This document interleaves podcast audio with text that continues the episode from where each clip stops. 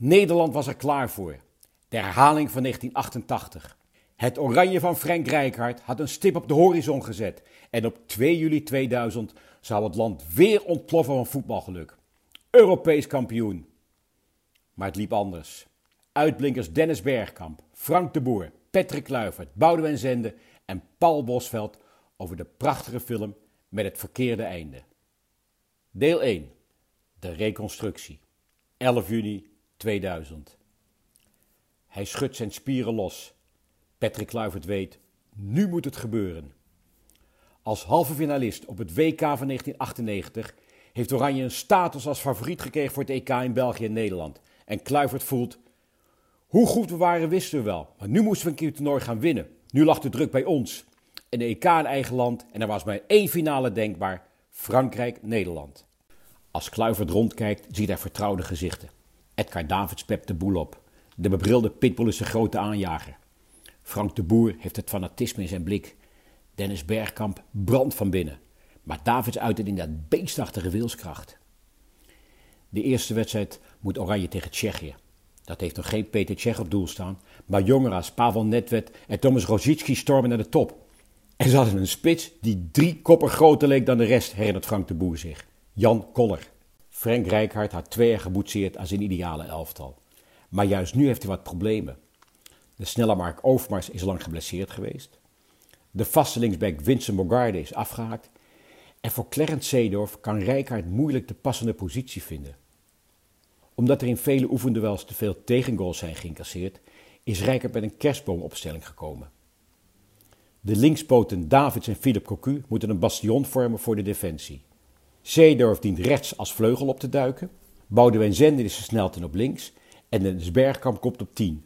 En in de spits staat de piek, Kluivert. Het vijfmans middenveld lijkt imposant, maar wordt volledig verrast door de Tsjechen. Netvet is niet te houden.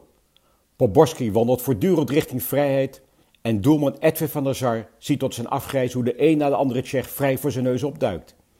Hij redt en hij redt. Heeft de hulp van de paal en lat. Het is een wonder dat het 0-0 blijft. Oranje doolt over het veld. En Jaap Stam valt in de tweede helft ook nog eens uit. Huip Plemper, later omgedoopt tot dokter Bibber, hecht een wond boven Stams wenkbrauw. Maar na minuten gedoe keert de robuuste verdediger toch niet meer terug. Ook Zeedorf moet wijken. Hij kan zijn ingewikkelde rol niet invullen. Ronald de Boer vervangt hem. Even later slingert een andere invaller, Mark Overmars, de bal zijn richting op. De boer voelt hoe Nemec hem min of meer aan het uitkleden is. Een fraaie duik later wees Perlucci Colina zowaar naar de stip, strafschop, 89e minuut. Frank de Boer heeft er uren op geoefend. Hard, linkerhoek, half hoog. 1-0. Een gestolen zegen, maar de druk is eraf. De spanning neemt toe, spelers morren. Rijken is een geweldige coach, maar maakt het soms zo moeilijk. De jonge trainer valt gelukkig terug op de Hollandse school voor de wedstrijd tegen Denemarken. Dus gewoon twee snelle buitenspelers en een driemans middenveld. Maar hij heeft één probleem. Zowel Zend als Overmars wil liever linksbuiten spelen en geen rechtsbuiten. In het nieuwe systeem zoeken Davids en Cocu net zo lang een rol tot Gravensen in alle vrijheid dus doorloopt en op de lat pegelt. Er lukt weer te weinig bij Oranje. Het is een wonder dat het bij de rust maar 0-0 staat. Grunkjaar is een plaag met zijn snelle rushes. En de Denen staan simpelweg beter als team. Maar na de T staat Dennis Bergkamp ineens op. Een flitsende combinatie met Kluivert. Peter Schmeichel kan nog redden, maar de rebound is voor de spits. 1-0. Ronald de Boer komt er weer in. En meteen is hij belangrijk. 2-0. En als toetje is er een waanzinnige rush van Michael Reiziger. Die zo hard gaat dat geen ploegnoot hem kan bijbenen. En de enige die wel kan bijhouden is Boudewijn Zende. En die tikt assist van Reiziger knap binnen. 3-0. Van der Sar veroorzaakt nog een penalty die naast gaat. En moet even later na een uittrap nog afhaken ook. Sander Westerveld is zijn vervanger. 21 juni 2000. Johan Cruijff geeft koningin Beatrix een hand. Ze zit in een groene lentejurk naast kroonprins Willem-Alexander. En Cruijff heeft Danny meegenomen. Iedereen straalt. Nederland en Frankrijk moeten betwisten wie als eerste in de pool eindigt en dus in Nederland mag blijven. Het hoge bezoek ziet dat Sander Westerveld nerveus begint en mijn corner mistast. Messi, zegt Dugarry. 0-1. Zenden later, we wilden heel graag in Nederland blijven. Maar de Fransen wilden liever naar België, wat dichter bij hun huis. Maar ze begonnen ijzersterk. Zo ontrolt zich een vermakelijk duel waarin Oranje groeit en de druk van zich afspeelt. Bergkamp en Kluivert vinden elkaar meer en meer. 1-1. En aan goal van Trezeguet, 1-2, jaagt Frank de Boer een vrije trap van grote afstand direct in het kruis. 2-2. En Zender geeft het slotakkoord. Na mastueuze paas van Sander Westerveld, de doelman. 3-2. Al speelt Frankrijk zonder de grote sterren Zidane en Henry, dit smaakt goed. De sfeer slaat om. Ongeslagen naar de kwartfinale. 25 juni 2000. Kluivert, zonder de arena te willen benadelen, maar in de Kuip voelen we iets extra's. En deze dag leeft de Kuip. Hij beweegt, hij schudt. Na een wake-up call van Milosevic, waarbij Van der Sar schitterend redt, swingt Oranje het arme Joegoslavië alle kanten op. Davids en Cocu pakken alle ballen af. De uitblinkers blinken uit. Kluivert scoort drie keer. Bergkamp is weergeloos. Overmars en Zenden snellen op de vleugels. En Paul Bosveld showt een prachtige passeerbeweging die tot de 3-0 leidt. Het feest eindigt in een 6-1 zege. Waarbij die ene tegengoal weer valt bij de arme Westerveld. Die nog niet geheel fitte van de Sar in de slotfase aflost. Van het Sar zal het toernooi geen één keer gepasseerd worden. Althans, 29 juni 2000. Daar snelt Bergkampen langs Giuliano. Ze komen allemaal te laat. Nesta, Toldo. De bal zoeft de hoek in. Paal. Als een tornado raast Oranje over het veld in die halve finale tegen Italië. Daar flitst Overmars weer langs Maldini. Daar moet Zambrotta weer in de noodrem trekken omdat Zendem veel te vlug af is. Voordat hij het weet heeft de Duitse arbiter Merk hem al twee keer een gele kaart gegeven en is het 11 tegen 10. Als Netsta iets te lang Kluivert vasthoudt, geeft Merk ook nog eens een penalty cadeau. Frank de Boer weet wat hem te doen staat. Linkerhoek, half hoog, hard en zuiver. Als ze de bal pakt, flitst het door hem heen dat Tolder het ook weet natuurlijk. En daarom heeft de boer gehoord op varianten. Rechts over de grond. Dat is er zo eentje die ook goed werkt. Tolder zal vast naar links zweven. Dus de boer besluit, andere kant. De bal verdwijnt met gepaste snelheid naar de rechterhoek. Maar Tolder kiest ook voor het onverwachte en keert de bal. Het is wonderbaarlijk. De Italiaanse trainer Dinozov schaakt. Hij was begonnen met een 5-3-2 systeem. Maar na de rode kaart van Sambrotta brengt hij geen verdediger. Hij laat wel Del Piero uit de spits zakken en gaat verder in een 4-4-1. Frank Rijkaard reageert er niet op. Het gaat immers goed. Het is wachten op die voorsprong. Als Davids getorpedeerd wordt door Giuliano, kan Merck eigenlijk niets anders doen dan ook deze Italianen met zijn tweede gele kaart afsturen en een nieuwe penalty geven. Merck wijst inderdaad naar de stip, maar spaart gek genoeg Giuliano door hem geen tweede kaart te geven. Even later toont de verbijsterde Pele op de tribune twee vingers, want ook Kluivert mist. Dino Zoff, de Italiaanse coach, put er moed uit en wisselt aanvallend. Hij brengt Del Vecchio en Totti. En steeds meer krijgen de Italianen vat op het spel. Rijkert wisselt in posities. Dat wil zeggen Cedor voor Bergkamp, Winter voor Cocu en Van Vossen voor Zende. Maar het komt het spel niet ten goede. Van Vossen speelt hyper en verliest de bal in de verlenging, zodat Del Vecchio plots moederziel alleen op Van der Sar kan afstormen. Gelukkig redt de doelman op grootse wijze. En dan is Kluivert nog een reuze kans en is het plots voorbij. Oranje gaat haar vierde penalty-serie in vijf toernooien in. En wederom gaat het gruwelijk mis. De Boer, Stam en Bosveld missen. Rijkaard is zo ontgoocheld dat hij meteen ontslag neemt. Hij is in de war. Nog voor hij zijn spelers inlicht, weet de pers het al. In de bus breekt hij. Tranen over de wangen. Michael Reiziger stapt in en ziet hem zitten. Reiziger is teleurgesteld. Hij was nooit zo goed begonnen, maar toch had Rijkaard hem gepasseerd. Maar de aanblik van de geroerde coach laat hem geen keuze. Hij omhelst Rijkaard en geeft hem een kus. Reiziger later. Natuurlijk deed ik dat. Volslagen logisch. We blijven toch mensen. Kluivert. Altijd weer die als. Patrick. Ik vond het een fantastisch toernooi. Het land stond wekenlang op zijn kop. Iedereen was door het dolle. En we hadden een geweldige elftal. Dat centrale duo van ons, Frank de Boer en Jaap Stam, dat was een muur. Etje en Philip heersten op het middenveld. En we hadden alles. Snelheid, techniek, kracht. Frankrijk was wereldkampioen, maar wij waren een uitdager. Wij wilden nu die eerste plek. Maar nooit is de wedstrijd gespeeld die in die periode gespeeld had moeten worden. Niet op het WK in 1998 en ook niet op het EK in 2000, want in de poolwedstrijd spaarden zij veel goede spelers. Zo zonde, nooit is er die clash geweest. Nooit hebben wij die nummer 1 van de troon kunnen stoten. In 2000 had dat gemoeten en gekund. Het is een ongeschreven verleden, zo zie ik het. Het samenspel met Dennis was in die jaren subliem. Bergkamp wist, daar ligt de ruimte. Ik wist, daar moet ik naartoe. Hij wist, pet gaat. Omdat hij zelf zo lang op mijn positie had gespeeld, voelde hij dat. Omdat hij ook altijd zo had gelopen. Dat maakte het voetbal wel heel gemakkelijk. Die connectie tussen ons was fantastisch. Puur vanuit het gevoel dat we op het veld hadden. We praten ook veel hoor, na de wedstrijd toe in het hotel, hoe ik graag aangespeeld wilde worden en vice versa. En als het klikt, klikt het. En dan snijd je er zo doorheen met z'n tweeën.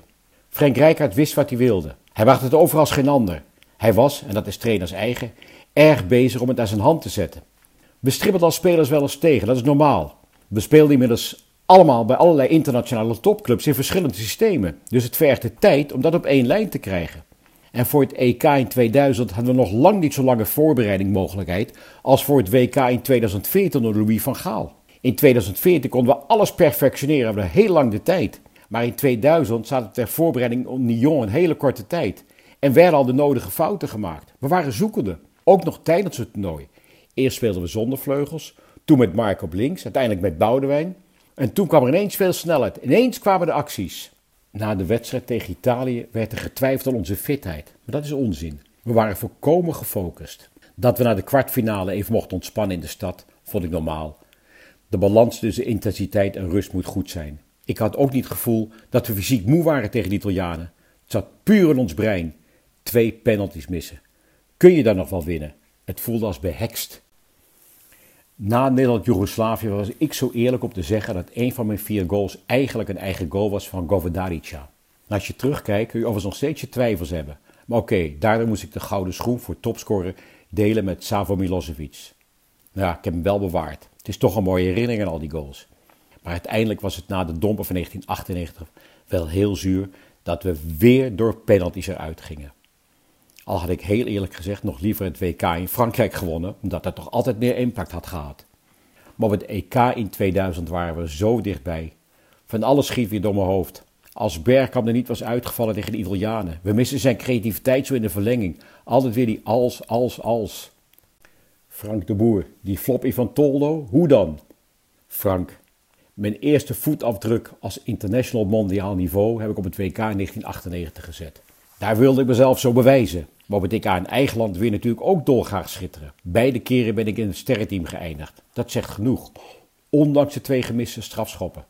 Als ik al die wedstrijden van 1998 en 2000 de revue laat passeren, kan ik me eigenlijk niks verwijten.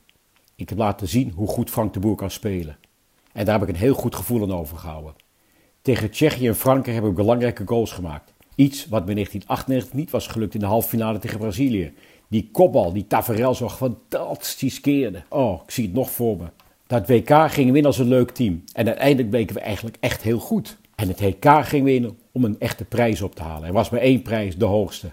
En later kom je dan Marcel Desailly tegen, die wel alles gewonnen heeft. En hij zei ook later een keer tegen mij: Zo blij dat we jullie niet tegenkwamen in de finales van 98 en 2000. Ik denk namelijk ook dat we een grote kans hadden gehad tegen ze. Maar inmiddels zoveel ervaring, waren niet meer van ons stuk te brengen. Nou ja, tot die penalties. In die halve finale tegen Italië waren we zoveel beter. Ze waren alleen maar aan het overleven. Maar de moed zonk ons in de schoenen. Die eerste penalty van mij. Die was normaal gesproken keurig in het zijnet beland. Maar Toldo gokte goed. Hij gaf laatst een interview en hij zei hij dat hij vooraf op een floppy alle pingels van ons had bekeken. Hoe dan? Ik nam zelf nooit een penalty. En die tegen Tsjechië schoot ik er binnenkant wreef links in, half hoog. Dat kun je als keeper niet hebben. Maar ik was er te veel mee bezig geweest. Veel te veel. Ik had er veel te veel op geoefend, ook op varianten. Normaal ga je altijd voor je vaste patronen. Nu schoot ik hem twee keer in die andere hoek. Dat was de kans. Ik heb een verschrikkelijke kater aan TK overgehouden.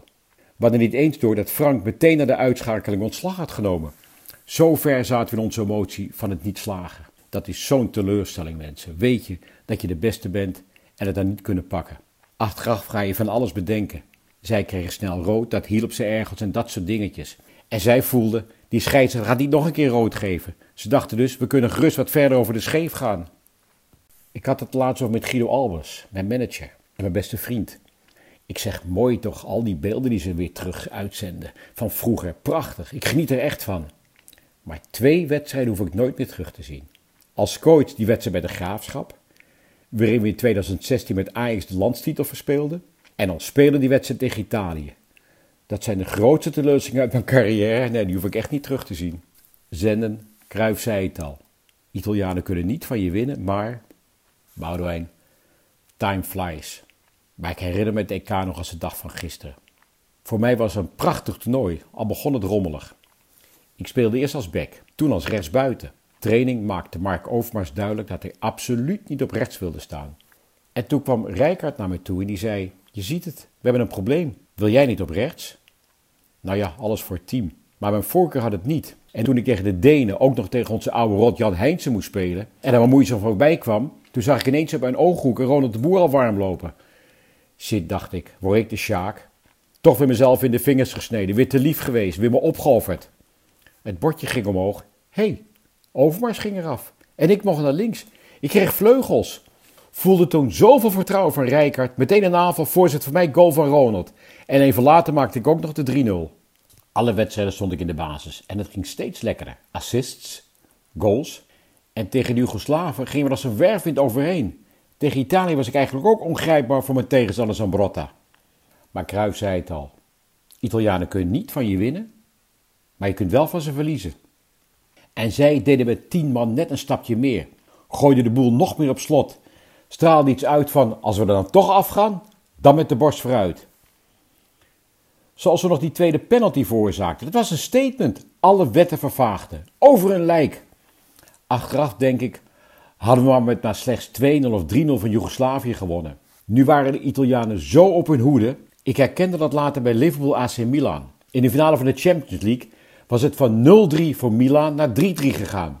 Twee jaar later speelden we weer tegen Milan. En ze kwamen weer voor, nu met 2-0. Je merkt aan alles bij Milan, no way dat we weer zo gaan weggeven. Italianen kunnen dat. Je merkt aan alles, no way dat ze het weer gingen weggeven. Italianen kunnen dat. Wat een goede homogene groep. Later zeiden ze dat we gingen stappen tijdens het WK in Frankrijk en het EK in eigen land. Nou geloof me, in Frankrijk was er veel meer vrijheid dan in Nederland. Toen konden we nog eens naar een beachclub, gingen met jetskis de zee op. Er werd daar veel minder op ons gelet in Frankrijk. Maar voor en tijdens de EK zaten we in Hoenderlo, met hekken eromheen. Er was geen ruimte, geen plek om echt te ontspannen. Dat hebben we gemist. Spelers waren blij als ze even te gast konden zijn bij Villa BVD. Dan waren ze er even uit. Als je op een toernooi in het buitenland bent, is er toch een andere sfeer. In Frankrijk waren we meer incognito. Mijn samenspel met Patrick op het EK was hartstikke fijn. Ik bracht hem in stelling en hij mij. Ik kende hem al vanuit de jeugd toen hij bij Ajax zat en ik bij PSV. En later speelden we samen bij Barcelona. Een spits leeft van goals. En ik kon zorgen dat hij zijn goaltjes kon maken. Maar op het EK heb ik er zelf ook een paar kunnen maken. Dankzij hem. Ik zat in een flow. Daarom moest ik weer even de beelden terugzien om alles goed te herinneren. Als je in een flow zit, ben je intuïtief bezig. Een teken dat je goed gespeeld hebt. Bosveld. De Doesburg Shuffle. Hoe ik daar naar bij kwam? Paul Bosveld. In de derde poolwedstrijd verover ik mijn plek. Reiziger had een gele kaart achter zijn naam en ik mocht hem vervangen. Maar het ging zo goed tegen de Fransen dat ik mocht blijven staan. Voor mij natuurlijk hartstikke mooi. Ik kijk er alleen maar positief op terug. Er was al jaren een vaste kern. En ik had niet gedacht dat ik daar ooit nog tussen zou komen. Maar blijkbaar lukte het dus wel. Het was een topgroep. Zoveel kwaliteit. De hele selectie ijzersterk. Zelfs de afvallers waren in die tijd jongens die niet zouden hebben misstaan op een EK. Het was een selectie met een enorme drive. Die in 1998 net op knullige wijze was uitgeschakeld en revanche wilde. En dat het in eigen land kon, gaf extra jeu. Als we die 1-0 tegen Italië hadden gescoord, waren zij geknakt geweest. En nu groeide juist de Italiaan in de wedstrijd. En wij knakten. Iedereen voelde dat. Dit is mean to be. Je had die wedstrijd 100 keer kunnen spelen en hadden we hem 99 keer gewonnen. Maar juist die ene dag was het ons niet gegund. Nee, ik heb hem nooit teruggekeken. Maar dat is een tik van mij. Die UEFA Cup finale van Feyenoord tegen Borussia Dortmund heb ik ook nooit teruggezien. Misschien als ik oud ben, dat ik nog iets doe. Mijn hoogtepunt? Ach ja, dat is ook zo'n verhaal geworden. De Doesburg Shuffle, voorafgaand aan de 3-0 tegen Joegoslavië.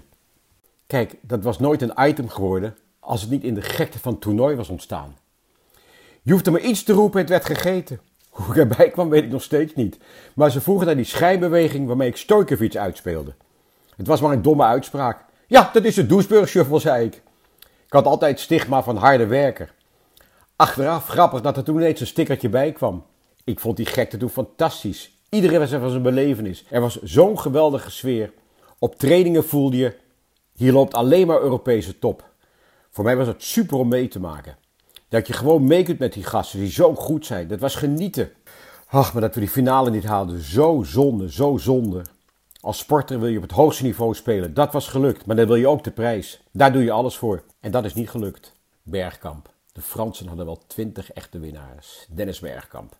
Het EK in 2000 zou al mijn vijfde eindtoernooi worden. Ik had inmiddels een status bereikt dat ik af en toe meer voor mijn rust mocht kiezen. Daardoor heb ik van de vriendschappelijke wedstrijden voor het EK niet alles gespeeld. Ik zag dat er veel geëxperimenteerd werd en dat het uitmondde in het zogenaamde kerstboomsysteem, waarbij Patrick de enige spits was. Voor mij was het moeilijk, omdat we daardoor niet met snelle buitenspelers en vaste zijkanten begonnen, maar wel met een controlerend blok op het middenveld. Ja, daar heb ik discussie over gehad. Ik was gewend met van achter Ronald Koeman en Wim Jonk en Jan Wouters in mijn rug te spelen. Die konden mij lanceren. Dat was fase 1 bij Oranje. Maar fase 2 betekende dat er middenvelders in mijn rug kwamen die konden domineren en duelleren, maar mij minder konden lanceren. Zelf zat ik in de transitie van afmaken naar aangeven. Bij Arsenal in de combinatie met Thierry Henry en bij Oranje met Patrick. Die nieuwe rol was meer geschikt voor mijn spel. Ik was nooit die echte killer. Ik wilde betrokken zijn bij de voorbereiding op een goal. Maar ik ben ook nooit een echte nummer 10 geweest. Zeg maar geen 9 en geen 10, een 9,5. Er stond veel druk op. Hadden in 1998 een geweldig WK gespeeld met een ongelooflijk sterke selectie. En in 2000 dacht iedereen, nu gaat het gebeuren. Ik was er ook van overtuigd dat we een hele grote kans maakten. Bij Arsenal zaten zoals bekend veel Franse jongens. En die hebben heel veel met me geduld in die jaren. Maar ook in ernst gezegd, gelukkig dat we zowel op het WK als het EK jullie konden ontlopen in de finales. Ze vertelden heel eerlijk dat ze liever tegen Brazilië en Italië speelden. Wij zijn echte haantjes, wij willen dat balbezit. En dat was lastig geworden tegen jullie, want jullie kunnen allemaal goed voetballen. Daarom waren jullie zo moeilijk te bespelen. Ja, dat hebben ze echt tegen me gezegd. En hadden een hele goede coach in Frank. Ik had hem als medespeler meegemaakt met al zijn humor. Maar ook ken ik hem als figuur die hielp, steunde, die vocht voor de jonkies tegen de ouderen in team. Hij was heel sociaal. En toen werd hij ineens trainer. En dacht ik, hoe gaat dat uitpakken? En verrassend genoeg heel goed. Hij was duidelijk in zijn lijn, in zijn filosofie. En met Johan Neeskons, die ik ook heel hoog had zitten, was hij met alle details bezig. En zijn besprekingen krachtig, helder, sterk. Ik was echt aangenaam verrast. Ik kende hem als de speler die jou zo goed in de maling kon nemen. En ik dacht nooit direct bij hem, dat gaat een coach worden. Maar hij bleek zo gedreven. Zelf stond ik onbekend dat ik me goed kon aanpassen. Dat was een van mijn grote krachten. Daarom heb ik vaak goed als tandem kunnen fungeren. Ik vond het fijn als ik een spits beter kon laten spelen. Ik geloof ook nooit zo in systemen. Als de balans en de verhouding maar goed zijn en er variatie in zit, zodat je voor je tegenstander onvoorspelbaar wordt. En je moet natuurlijk goede spelers hebben. Tijdens het EK wisselen we van systemen. Dat pakte goed uit. We groeiden in toernooi, werden met de wedstrijd sterker. Op een gegeven moment zaten we echt op een aardig hoog niveau. Het meest frappante aan die tijd was dat er desondanks altijd veel kritiek op ons was. We werden vrij vlak gevolgd. Niet zoals in deze tijd hoor, waarin alles snel geweldig gewonnen wordt. Wij vochten ook nog tegen de erfenis van 1998. Daarna moesten we het ook maar even doen, die titels halen. Maar toen, zelfs in 98 en 2000, waren mensen nog vrij negatief over ons. En dat vind ik niet terecht. Tegen Joegoslavië en Italië was het toch behoorlijk goed. Maar iedereen dacht van ons, ze kunnen een toernooi winnen. En zo eerlijk moeten we ook zijn, dat was ook zo. Vier van mijn vijf eindtoernooien zijn we uitgeschakeld door strafschoppen. En we hebben twee keer de kwartfinale en drie keer de halve finale gehad. Moet je nagaan. Tegen Joegoslavië pakte ik echt die rol van aangeven. Bal vasthouden, mensen in stelling brengen. Patrick kon profiteren van mijn inzichten. Dat deed hij grandioos. Ik kon inmiddels zo spelen omdat ik wist waar de bal was als hij aan mijn voeten lag. Als je al duizenden keer ervaring hebt met balcontacten, kun je gemakkelijk opkijken, de situatie overzien. In mijn brein zat, mijn voeten weten waar de bal ligt. Ik hoefde niet meer te denken, niet meer naar beneden te kijken. Daardoor ging alles sneller en hield ik het overzicht, want ik kon om me heen kijken. Ze vroegen vaak: wat vind je leuker, scoren of een assist? Maar beide. Ik kon er echt van genieten, van een assist en van scoren. Al op het EK 1996 had ik die assist op Patrick gegeven die ons in de volgende ronde bracht. Weet je wel, die 4-1 tegen Engeland. Dat je met één paas die kans kunt creëren, dat gaf me heel veel plezier. En ook de paas voor de assist, zo belangrijk. Ik was toen heel erg bezig met de vraag: hoe krijg je je team sterker als iedereen hetzelfde denkt? Voor mijn gevoel hadden we voor de wedstrijd tegen Italië het helemaal voor elkaar. We waren echt klaar om die dag te winnen. Echt een goed gevoel. Het hele team had dat. Maar die twee gemiste penalties gingen in ons hoofd zitten. Bij de wissels kon je vraagtekens zetten. En achteraf denk ik ook dat we beter tegen 11 man hadden kunnen blijven spelen. Aan de andere kant, we hadden alles zo onder controle, zo'n overwicht. Wat hadden we moeten doen? Je zag het gebeuren, hè? De koppies hingen al. Nog voor de penaltyreeks was begonnen, waren we gebroken. En zij hadden het momentum. Ze hebben het gehaald met 10 man toch die serie penalties in. Dat geeft een goed gevoel hoor. Desondanks hadden wij gewoon voor vastigheid moeten kiezen. Niet moeten afwijken van wat je normaal doet. Sommigen van ons deden dat toch. Gingen die pingels anders nemen dan normaal. Niet goed, wel menselijk. Voor mij was het moeilijk. Vijf eindtoernooien. Dat was slopend geweest hoor. Altijd geweldig, altijd genoten, maar ook een aanslag op je lichaam. Ik wist, hier stopt het.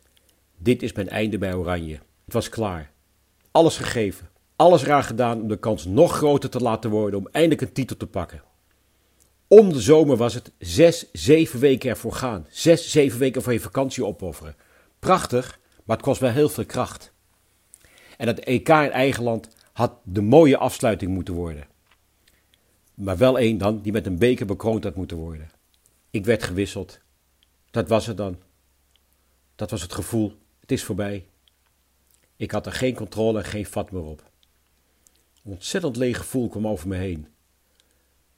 Het was aan het weghebben. Je voelde het aan alles. Voor de verlenging omhelste ik Clarence, die er voor mij ingekomen was. Ik kende hem al vanaf zijn vijftiende.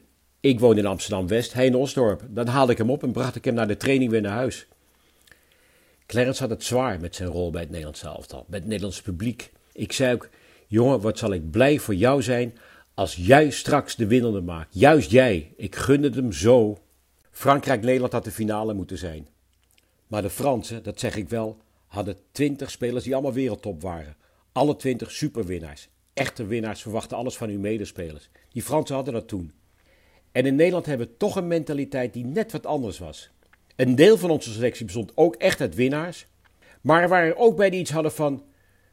Misschien kunnen we toch wat andere leuke dingen doen. En misschien dat daarom juist de Fransen wel wereld- en Europees kampioen worden. En wij net niet.